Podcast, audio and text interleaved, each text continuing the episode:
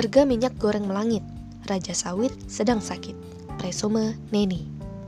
Indonesia digadang-gadang sebagai raja ekspor sawit dunia karena menyumbang 37,3 persen dari total ekspor minyak sawit dunia pada 2020. Direktur Industri Hasil Hutan dan Perkebunan, Kementerian Perindustrian, Emil Satria membenarkan hal itu. Namun, mengapa kini terjadi lonjakan harga minyak goreng? Sebagai raja sawit, mengapa rakyatnya justru berkabung karena harga minyak goreng melambung? Sejatinya, kenaikan harga adalah akibat sektor hulu, yakni meningkatnya harga crude palm oil atau CPO. Walhasil, ada potensi kerusakan hasil produksi minyak goreng. Semestinya, kenaikan harga tidak akan jauh dari harga patokan, tetapi kini meroket hingga Rp19.000. Menurut Ketua Umum Ikatan Pedagang Pasar Indonesia, Abdullah Mansuri, kenaikan harga minyak goreng sudah terjadi sejak enam bulan lalu. Jelas, publik mengeluhkan kenaikan harga minyak goreng yang melangit. Harga 2 liter minyak goreng biasanya di kisaran Rp27.000 sampai Rp29.000. Tetapi saat ini harganya menyentuh Rp40.000. Namun, pengaruh pasar global selalu menjadi alasan kenaikan harga. Gangguan yang paling signifikan di antaranya adalah pemasok Kanada canola oil di Argentina yang mengalami gangguan produksi hingga turun sekitar 7%. Selain itu, sebagian besar produsen minyak goreng nasional bergantung pada pasokan CPO global, apalagi CPO mengikuti harga internasional. Pemerintah mengklaim telah melakukan mitigasi permasalahan harga minyak goreng dan memastikan stok dalam negeri saat ini 628.000 ton untuk mencukupi kebutuhan 1,5 bulan ke depan. Lantas, Mengapa status negeri penghasil sawit terbesar tidak berpengaruh pada pemenuhan kebutuhan rakyat atas minyak goreng? Menurut Dirjen Perdagangan Dalam Negeri Kementerian Perdagangan, entitas produsen minyak goreng berbeda dengan pelaku usaha kebun sawit. Inilah penyebab Indonesia, meski bergelar Raja Sawit Dunia, tidak mampu memenuhi kebutuhan rakyat atas minyak goreng dan bergantung pada harga CPO internasional. Jika begitu, kapan negeri ini mandiri dan mampu memenuhi kebutuhan rakyat. Kenaikan harga minyak goreng di tengah pandemi yang belum tahu kapan berakhir tentu akan memperlambat pemulihan ekonomi.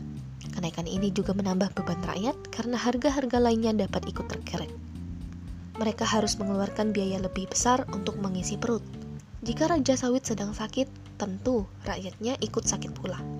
Inilah konsekuensi yang harus rakyat terima ketika penguasa menerapkan tata kelola kebutuhan pokok berlandaskan demokrasi kapitalistik. Ujungnya, meminta rakyat bersabar sembari menahan perih karena kesulitan memenuhi berbagai kebutuhan pokok mereka. Secara praktis, Khalifah bertanggung jawab menjamin pemenuhan kebutuhan pokok rakyat dengan menjalankan sistem ekonomi Islam.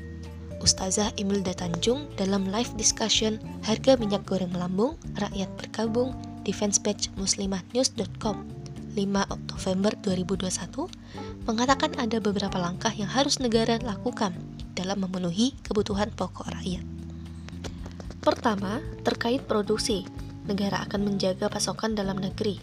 Kedua, terkait distribusi, negara akan menciptakan pasar yang sehat dan kondusif, mengawasi rantai tata niaga dan menghilangkan penyebab distorsi pasar Ketiga, negara mengawasi agar penentuan harga mengikuti mekanisme pasar. Selain itu, khilafah wajib menjalankan politik perdagangan luar negeri secara independen atau mandiri. Allah Subhanahu wa taala berfirman, "Maka Allah akan memberi keputusan di antara kamu pada hari kiamat." Allah tidak akan memberi jalan kepada orang kafir untuk mengalahkan orang-orang beriman. Quran Surah An-Nisa ayat 141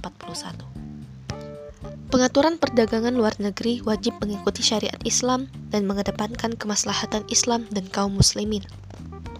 Khilafah berlaku sebagai penentu serta pengatur pelaksana perdagangan luar negeri, baik oleh individu maupun atas nama negara. Semua pelaksanaan itu dengan memperhatikan status negara ekspor ataupun asal impor. Negara juga akan memperhatikan jenis komoditas, bernilai strategis atau tidak, serta rakyatnya membutuhkan atau tidak. Jika negara menjalankan semua hal tersebut, akan dapat meminimalisir bahkan mencegah terjadinya gejolak berbagai harga kebutuhan pokok rakyat.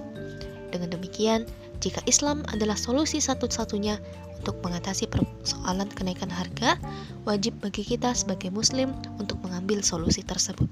Caranya dengan turut memperjuangkan sistem Islam atau khilafah agar tegak di seluruh negeri muslim.